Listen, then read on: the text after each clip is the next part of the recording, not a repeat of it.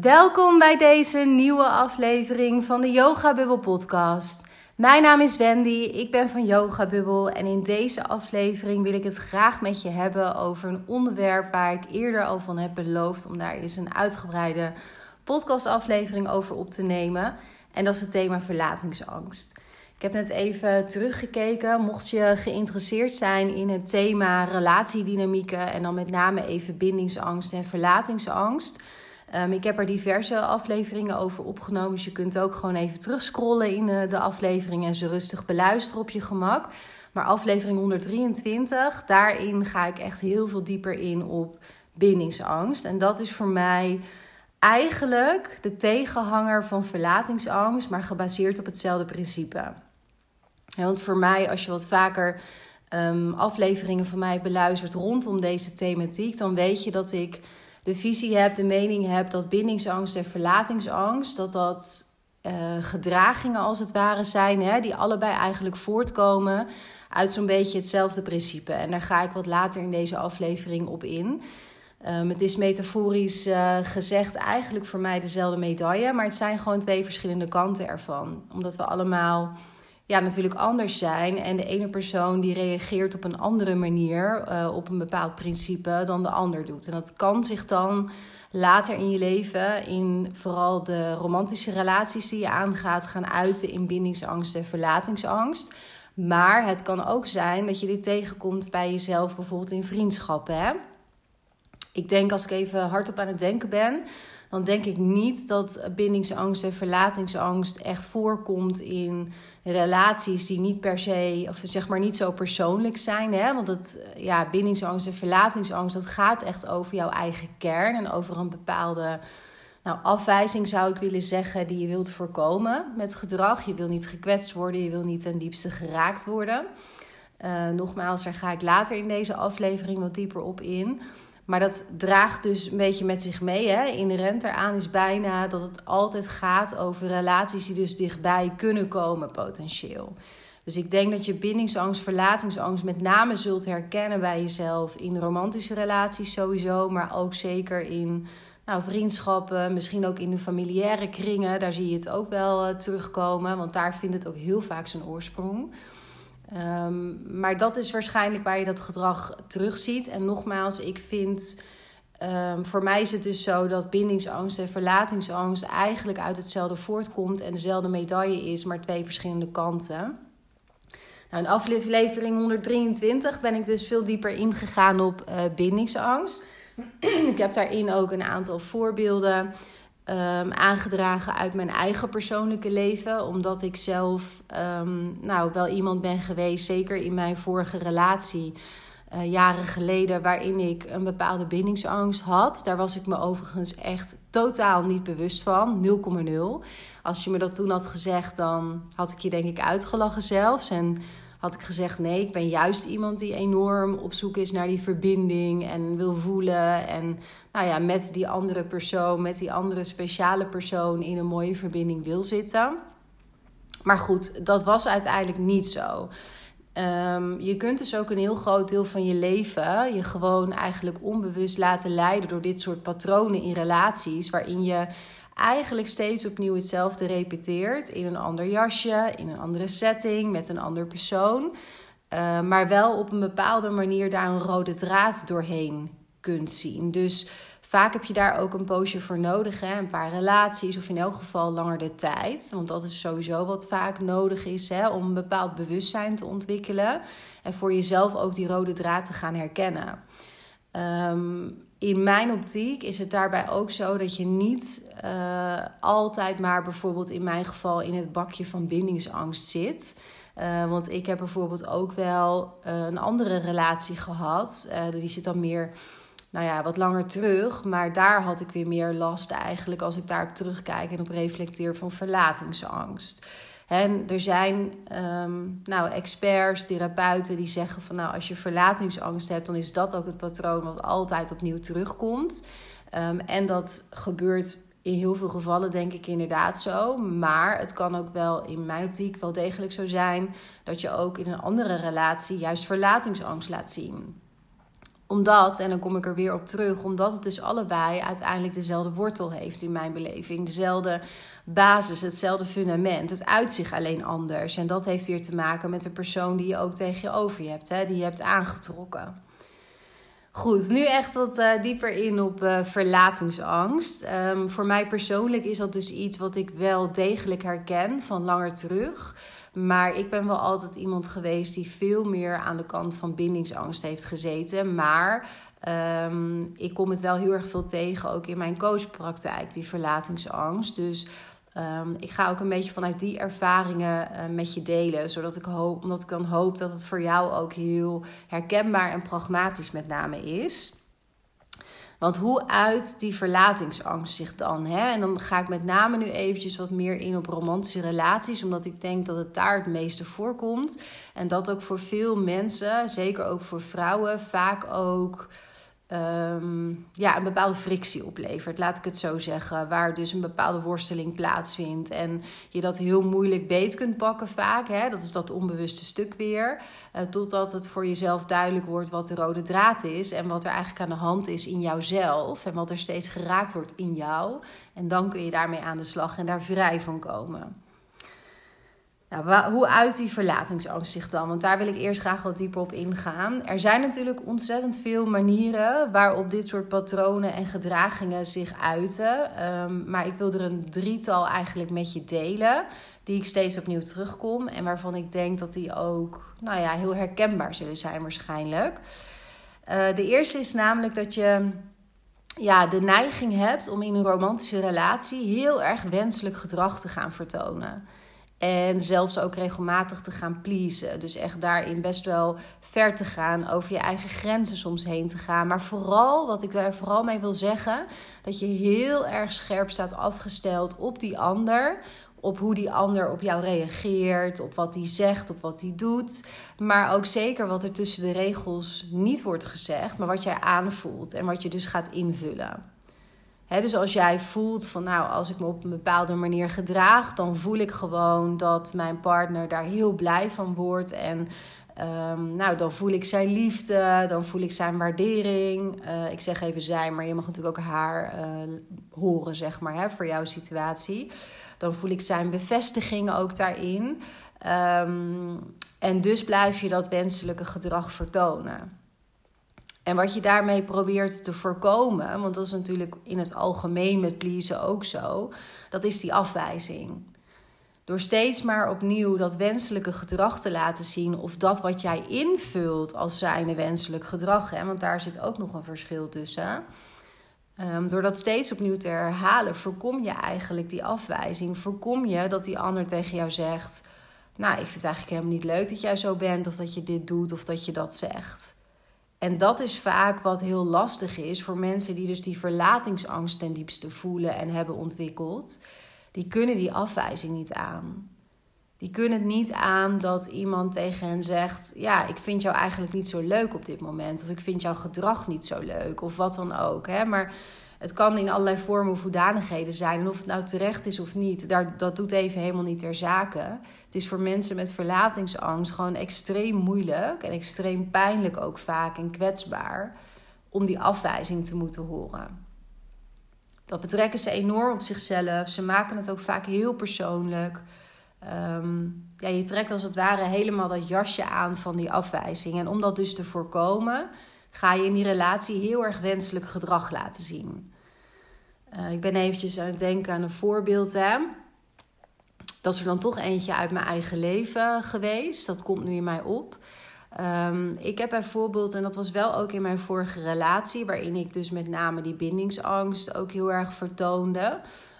Um, maar wat daarin wel een stukje ook ja, neigde, zou ik willen zeggen, naar die verlatingsangst. En ik denk dat dat wel heel illustrerend is bij dit, bij dit onderwerpje. Dat um, ik heel erg bezig was met altijd maar doen waarvan ik dacht dat er van mij verwacht werd door mijn ex-partner. Uh, niet alleen wat ik dacht dat er verwacht werd, maar in mijn geval werd dat ook uitgesproken, werd dat ook um, nou, constant benoemd.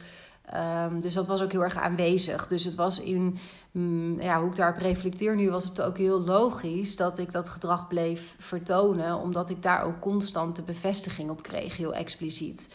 Nou, heel praktisch, waar ging het dan in mijn geval over? Nou, bijvoorbeeld heel erg over nou, best wel veel sporten, extreme sporten, marathons rennen, ehm, nou, veel in de sportschool zijn. Uh, ik ben altijd iemand geweest hè, die, die heb ik ook wel vaker gedeeld in podcastafleveringen. Voor wie het enorm belangrijk is om veel te bewegen. Omdat ik dan in contact met mijn lichaam kan blijven en gewoon mijn lijf ook kan bewonen. Uh, en ik ben heel sportief aangelegd. Ik vind het gewoon heel lekker om te sporten en ook allerlei nieuwe dingen te ontdekken. Ja, gewoon mijn lichaam ook echt aan het werk te voelen zijn. Um, dus die basis heb ik altijd gehad. En ik heb dus ook altijd veel gesport. Dus toen ik die relatie kreeg en mijn ex-partner zelf enorm veel sportte. En ook veel wedstrijden in van alles deed. En heel veel belang hechtte aan de snelste zijn, de beste zijn, et cetera. Was het voor mij een soort van heel logisch om daar al heel voorzichtig in mee te bewegen. Dus in beginsel was dat voor mij helemaal niet over mijn grenzen heen gaan. Omdat ik die interesse in sport en nieuwe sporten en zo ook had. Maar al heel snel uh, vond ik het helemaal niet meer leuk om zoveel te trainen. Vond ik het helemaal niet meer leuk om de volgende, in te schrijven voor de volgende wedstrijd. Dat deelde ik niet aan de oppervlakte, omdat ik dat een aantal keren wel had gedaan. En daar werd ik op afgeserveerd door deze persoon, door mijn ex-partner. Dus dat wilde ik niet, want ik wilde die afwijzing niet. Ik wilde namelijk dat hij mij nou, die stoere vrouw vond en die sportieve vrouw. En daar wilde ik aan dat imago wilde ik eigenlijk voor hem voldoen. Niet eens voor mezelf, maar voor hem, omdat ik die afwijzing niet aankon, nogmaals. Nou, dat is een vorm van eigenlijk heel wenselijk gedrag gaan vertonen. Hè? En dat best wel een beetje in mijn geval ook soms in een extreme vorm. Terwijl je dat misschien in de situatie zelf lang niet altijd door hebt. Hè? Want dat is, dat is natuurlijk ook het verneinigen aan dit soort patronen en gedragingen. Dat je ze vaak heel lang niet door hebt. En dat het vaak voelt als. Ah ja, maar het is wel prima voor mij. Het maakt mij ook niet zoveel uit. Ik, vind, ik hou ook van sporten, zoals in mijn geval. Dus dat je het blijft goed praten voor jezelf. Maar eigenlijk doe je de dingen niet omdat je ze zelf wilt. Maar omdat je dus die bevestiging steeds opnieuw wilt krijgen. Dus dat is echt iets wat ik heel vaak tegenkom. Um, hoe verlatingsangst zich onder andere kan uiten.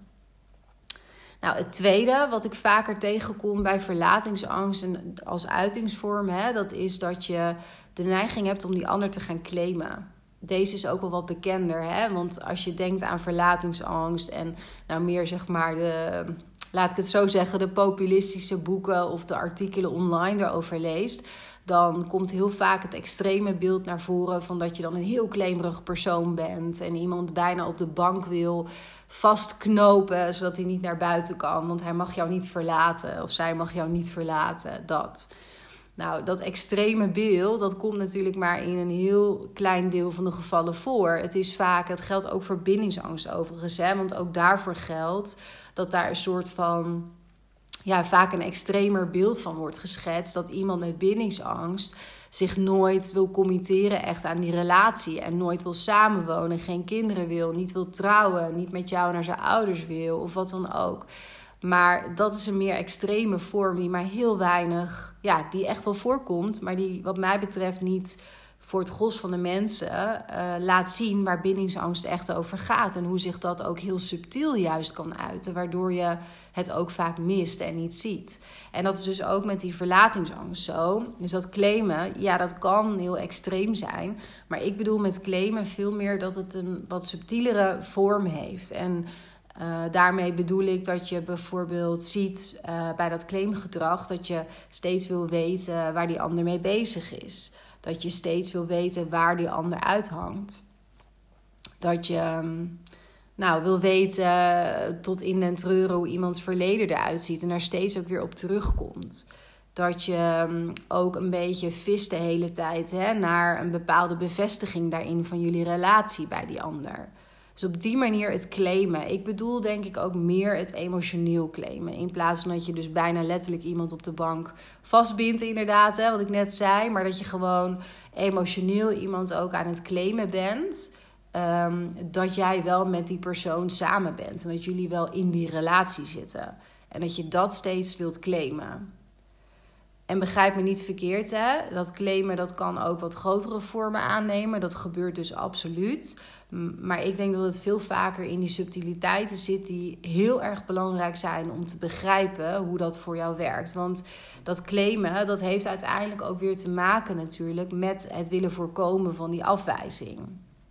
Want op het moment dat jij iemand, ehm, nou ja, echt zeg maar exclusief voor jezelf de hele tijd claimt op emotioneel vlak of op mentaal vlak of zelfs op fysiek vlak inderdaad. Ehm, en dat doe je op een wat extremere manier of in elk geval op een manier die niets te maken heeft met gewoon op een gezonde manier een bepaalde bevestiging willen hebben van jij bent mijn partner en ik die van jou en zo kijken wij naar onze relatie. Maar je doet dat vanuit een plek in jezelf waarin je nou een bepaalde angst voelt uh, dat die ander bij jou weggaat, want dat zit er uiteindelijk natuurlijk onder, weer die afwijzing. Ja, dan heb je te maken met dat ongezonde claimgedrag. Dus als je dat bij jezelf, zeg maar, hè, twijfelt van heb ik verlatingsangst of niet, probeer gewoon eerlijk voor jezelf te reflecteren. Want dit is natuurlijk vaak wel lastig. Hè? Veel mensen hebben dan de neiging om te zeggen: nee hoor, ik claim absoluut niet. Wij laten elkaar super vrij en uh, nou, ik hoef niet altijd te weten waar hij of zij is, et cetera. Maar probeer wat langer daar stil bij te staan en te kijken van ben ik op emotioneel vlak niet toch iemand aan banden een beetje aan het leggen, zodat ik zelf maar niet uh, steeds voorkom hè, dat ik de angst voel dat ik verlaten word. Daar gaat het over. Nou, de derde waar je verlatingsangst heel goed aan kunt herkennen, dat is dat je, en dat ligt een klein beetje in het verlengde van het claimgedrag, maar het is voor mij wel echt een ander, nou, een ander thema zou ik willen zeggen. Maar dat is dat je constant op zoek bent naar een bepaalde bevestiging constant die bevestiging wilt van die ander. Dat hij jou wel leuk genoeg vindt, wel mooi genoeg vindt. Uh, wel fijn genoeg vindt om met jou te zijn. Dat jij wel de vrouw bent of de man bent. Um, ja, met wie hij of zij gewoon het leven voor zich ziet. Die bevestiging die kan, uh, kun je zeg maar letterlijk vragen. Dat, is, dat is zeker wat ik ook heel vaak tegenkom. Dat je echt letterlijk die bevestiging vraagt. Van vind je me nog wel leuk genoeg? Dat. En dat niet één keer, want dat lijkt me namelijk best wel gezond om dat af en toe allemaal eens te voelen. Maar gewoon dat eigenlijk constant dat patroon herhalen. Maar die bevestiging die kan zich ook juist, dat verlangen daarnaar kan zich ook juist uiten. Niet door er letterlijk naar te vragen, maar door heel erg de behoefte te voelen om um, ja, jezelf met die ander steeds in de buitenwereld te zetten als wij zijn een koppel dit is wie wij zijn. Uh, daarin heel erg, nou, daarin weer heel erg dat klemerige gedrag misschien te vertonen op feestjes, op wat dan ook. Hè? Maar dat je constant de behoefte voelt om eigenlijk in die buitenwereld te bevestigen dat jullie een koppel zijn. En eigenlijk ook bijna wilt dat andere mensen dat expliciet benoemen. Zo van, oh, wat zijn jullie toch een leuk stel. En jullie passen zo goed bij elkaar. En dit klopt helemaal, et cetera.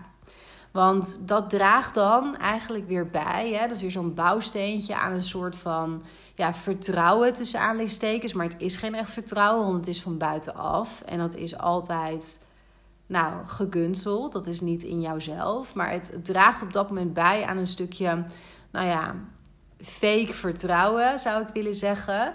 Uh, in dat die ander jou niet verlaat. Want hé, hey, anderen zien jullie ook als dat leuke stel. Dus zie je wel, het klopt helemaal dat jullie samen zijn. En jullie zullen dus ook samen blijven. En hij of zij verlaat jou dus niet.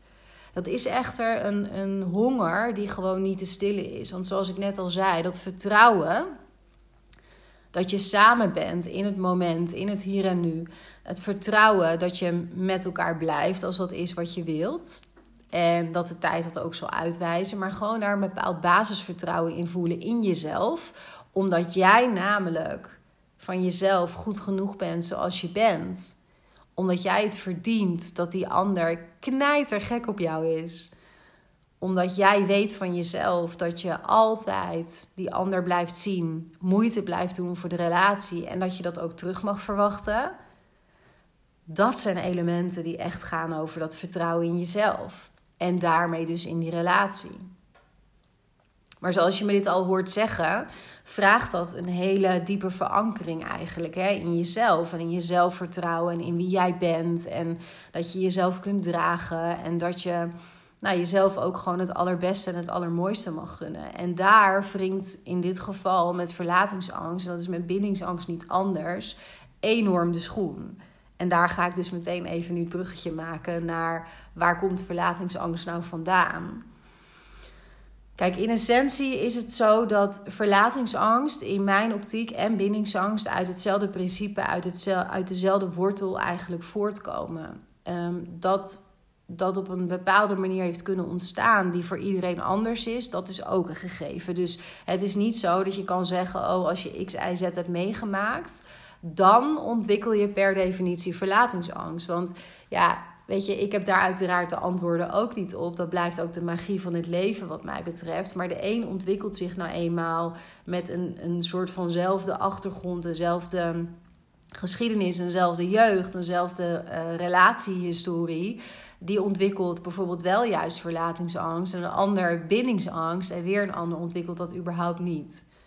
Um, dus daar, het is niet zo wat mij betreft dat je één ding kunt noemen van ja, als je dit hebt meegemaakt, dan ontwikkel je dat. Wat ik wel uh, zonder uitzondering als rode draad zie uh, en ook bij mezelf heb gemerkt. als je dus verlatingsangst ontwikkelt en ook bindingsangst uiteindelijk bij jezelf herkent dat je op een bepaalde manier ergens, vaak ook jong, vaak in je jeugd, vaak in je puberteit, op een bepaalde manier hebt opgepikt dat jij niet goed genoeg bent van jezelf. Dat jij de liefde niet zomaar waardig bent, dat je daar hard voor moet werken. Of dat je je daar juist vandaan moet houden. Vaak speelt ook mee dat je op een bepaalde manier. En dat kan echt een groot trauma zijn, maar het kan ook iets ogenschijnlijks zijn, iets kleins, wat je gewoon eh, bent vergeten bijna. Um, maar vaak is het wel iets wat je nog herinnert, maar je bent vaak gekwetst in je hart, in je pure zijn, in dat je, sorry, in dat je dus ergens nou, je hart op tafel hebt gelegd. Ook al heb je dat niet bewust gedaan, want misschien was je nog heel jong. Maar je bent heel open en eerlijk geweest over iets en toen ben je afgeserveerd. Toen heeft iemand in je omgeving die je op dat moment ook hoog had zitten. Dat kunnen ouders zijn, dat kunnen vriendjes, vriendinnetjes zijn, dat kunnen leraren zijn, van andere familieleden. Vaak is het in die hoek dat je al jong dus oppikt: oh, als ik echt mezelf ben en mezelf laat zien, dan is het niet oké dan word ik afgewezen. En zo ontstaan geleidelijk aan bepaalde conditioneringen. Want je gaat dan als het ware laagjes, zoals ik dat noem, rondom je pure, je eigen kern creëren. Om jezelf te beschermen. Om die afwijzing te voorkomen. Dus bijvoorbeeld in mijn geval, om even mezelf als voorbeeld um, ja, aan te dragen. Ik heb zelf een, een ontzettend fijne jeugd gehad echt ontzettend fijn. Daar ben ik nog steeds heel dankbaar voor. Voor de basis die mijn ouders mij hebben gegeven. Dus dat vind ik ook belangrijk om te benoemen. Want dat geeft dus ook aan dat het niet, ja, vaker niet dan wel. Ehm, altijd over situaties gaat waarin je een vreselijke jeugd hebt gehad. Helemaal niet. Maar een mens ontwikkelt zich nou eenmaal op een bepaalde manier. En je bent zeker als kind tot een jaartje of 7, 8, 9 jaar. ben je een enorme spons voor je omgeving. Je neemt alles om je heen neem je voor waarheid aan. En als mensen dan tegen jou zeggen dat, dat iets grijs of paars is, dan geloof je dat. Dan geloof je dat. En je gaat ook bepaalde gedragingen die je om je heen ziet van de mensen die je het meest om je heen hebt. En dat zijn nou eenmaal vaak je ouders, je gezin van oorsprong. Die gedragingen die zie je, die worden niet benoemd natuurlijk, maar je ziet dat. En kinderen leren door gedrag te kopiëren, door naar gedrag te kijken. Door non-verbaal ook gezichten te lezen, mimiek te lezen, tussen de regels te lezen. Soms ook natuurlijk dat dingen expliciet tegen je worden gezegd, maar daar ga je op een gegeven moment een bepaalde set aan gedragingen en patronen van uit ontwikkelen. En bij mij is dat ook niet anders geweest, want dat gebeurt bij iedereen op zijn of haar eigen manier. En ik ben ergens ook op gaan pikken dat ik me op een bepaalde manier moest gaan gedragen om de liefde te verdienen. Dat ik bepaald wenselijk gedrag moest gaan vertonen om gewoon maar leuk genoeg te zijn. En dat ben ik gaan doen. En zo heb ik al op hele jonge leeftijd mezelf eigen gemaakt. Dat ik mezelf ook bijna identificeerde met het zijn van een pleaser. Dat heb ik altijd van mezelf geweten. Dat ik ja, echt best wel een enorme pleaser altijd ben geweest. Ook toen ik dat nog was. Dat ben ik nu niet meer, kan ik echt zeggen. Dat is een hele weg geweest. Maar ik ben dat een heel groot deel van mijn leven wel geweest. Ik was totaal niet in contact met mezelf en met wie ik was en wat mijn behoeftes zijn. Ik stond zo scherp afgesteld op die ander, op wie dan ook. Op alle mensen eigenlijk om me heen van wie ik hield en van wie ik hou. Want dat is voor mij gewoon ja, sowieso is dat voor iedereen natuurlijk heel belangrijk. De mensen om je heen van wie je houdt. Alleen ik stond daar zo sterk mee in verbinding en met de behoeftes van andere mensen dat ik die van mezelf niet meer kon voelen. Ik heb daar ook echt een hele tijd, een aantal jaren geleden, toen ik in mijn eigen nou, persoonlijke groeiproces terecht kwam, waarin ik dus echt met mijn oude patronen en gedragingen en overtuigingen aan de slag moest, omdat ik er gewoon niet meer omheen kon, omdat ik er echt in mijn dagelijks leven heel veel last van had. En in de relaties die ik had ontwikkeld. En ik dat gewoon echt moest doorbreken door echt naar binnen te keren. Ja, toen kwam ik er pas achter waar die wortel echt zat. En toen werd het een soort van ja, dots bijna zou ik willen zeggen. Die eigenlijk heel logisch met elkaar te connecten waren. En dat geldt voor elk mens. Als je er middenin zit in zoiets en in een bepaald bewustwordingsproces, een bepaald groeiproces en je gaat dit soort gedragingen bij jezelf zien, dan is het in beginsel vaak heel verwarrend. Kun je het helemaal niet plaatsen, zie je het grotere plaatje niet. En dat is ook precies waarom ik ben gaan doen wat ik doe met de coachingstrajecten onder andere die ik doe één op één. Omdat ik het dus prachtig vind om een ander ook te mogen ondersteunen Ehm, en wat meer licht te mogen werpen op al die dots die gewoon wel degelijk met elkaar connected zijn. En die, wat je zelf gewoon niet altijd ziet, omdat je midden in je leven staat en er middenin zit. En juist door daar die verbindingen te leggen en te laten zien dat bepaalde patronen die, waar je nu last van hebt, zoals die verlatingsangst, en dat je daar bijvoorbeeld vanaf wilt. Maar door te laten zien waar dat nou vandaan komt en hoe logisch dat dus in jouw specifieke leven eigenlijk zich heeft kunnen ontwikkelen dat geeft bij heel veel mensen, merk ik, en dat was bij mezelf toen niet anders, gewoon een bepaalde rust en een bepaalde bevestiging van, oh ja, ik snap het. Ik begrijp het nu in mijn hoofd. Ik begrijp het begrijpelijk, zeg maar, hè, rationeel. Waarom ik hier uitgekomen ben en waarom dit patroon, zoals in dit geval van verlatingsangst, zo lang als een rode draad door mijn leven heeft gelopen. En als je dat punt hebt bereikt, dat je begrijpt waarom je bent uitgekomen waar je nu bent, dan kun je ook gaan leren om echt met je voeten in het hier en nu te gaan staan. En die versie zou ik willen zeggen van jezelf achter je te laten, stap voor stap. Want het is echt een proces. Dat gaat niet van de een op de andere dag. Die conditioneringen die hebben zich zo lang kunnen inslijten. En ja, je hebt daarin natuurlijk ook hè, bepaalde stukken in jezelf aan te kijken. Zoals bijvoorbeeld op een gezonde manier met kritiek, met afwijzing, met feedback, wat dan ook om leren gaan. En dat niet zo persoonlijk maken en niet op jouw ware kern projecteren. Want jij bent altijd goed zoals je bent. En ik zeg dit nu even snel in een paar zinnen, maar dat is echt, nou ja, best wel een intens en diepgaand proces waar je de rest van je leven echt ongelooflijk veel baat en plezier bij en van gaat hebben.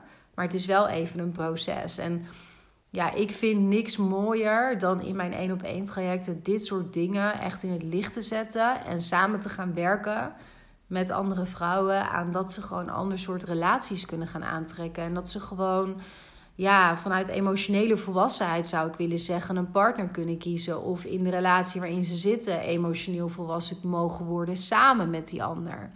En dat je niet meer langer onder water geleid wordt door die angst voor afwijzing, door ja, dat je het de hele tijd maar nodig hebt om die bevestiging te krijgen extern. Of dat je de hele tijd maar nodig hebt om te horen dat jij uh, ja, dat je ertoe doet in die relaties die je hebt gehad. Of die je misschien nu nog hebt.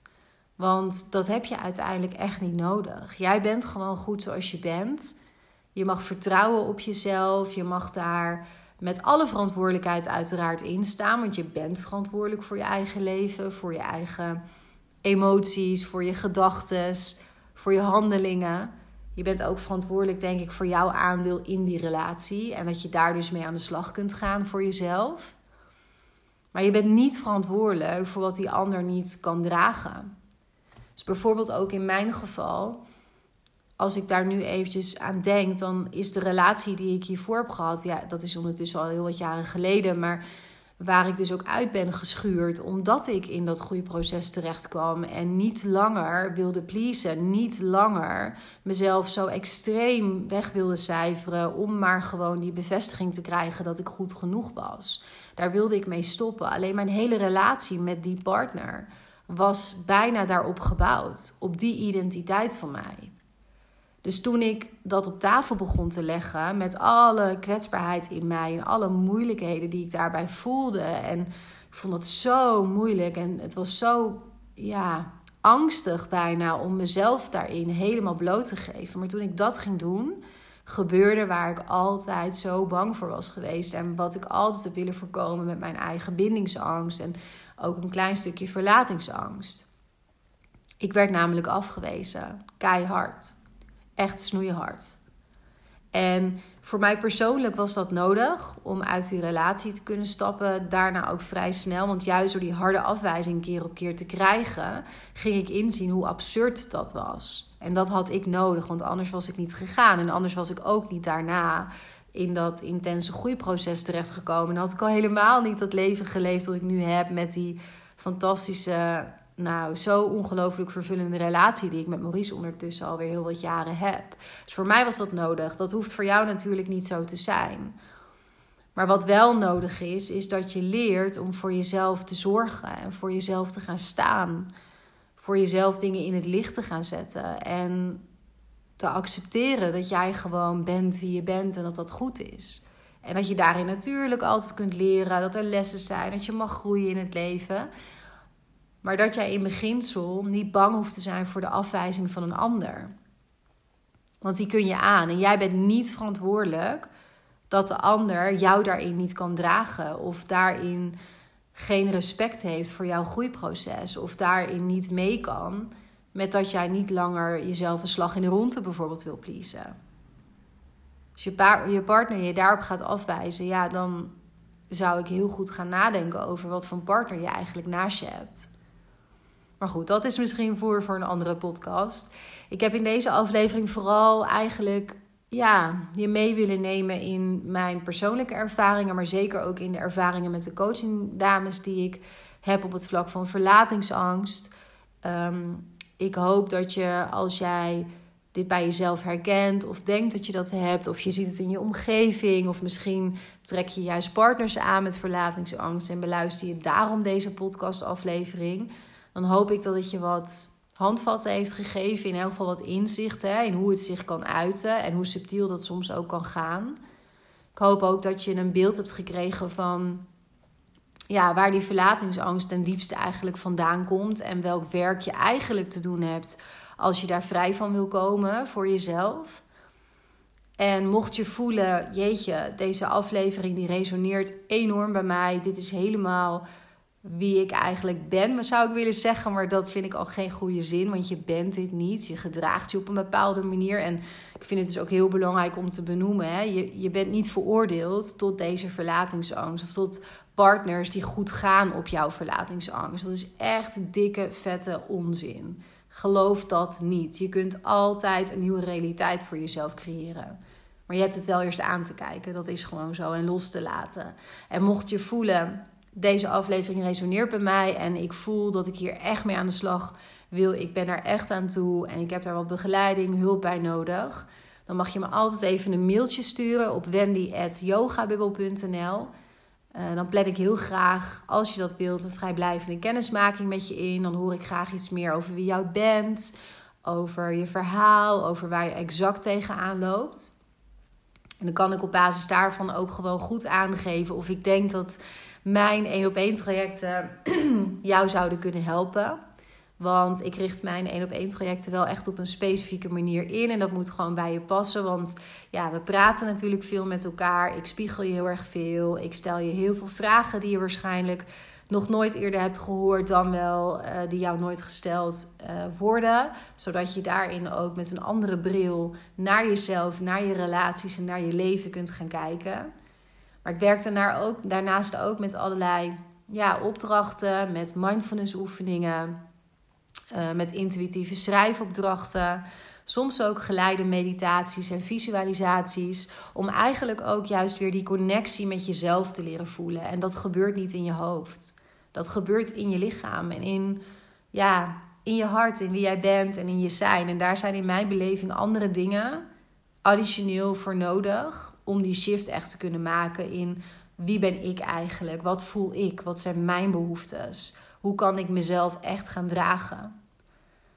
Dus als dat je aanspreekt, stuur me gerust even een mailtje op wendy.yogabil.nl en dan uh, plannen we een kennismaking in.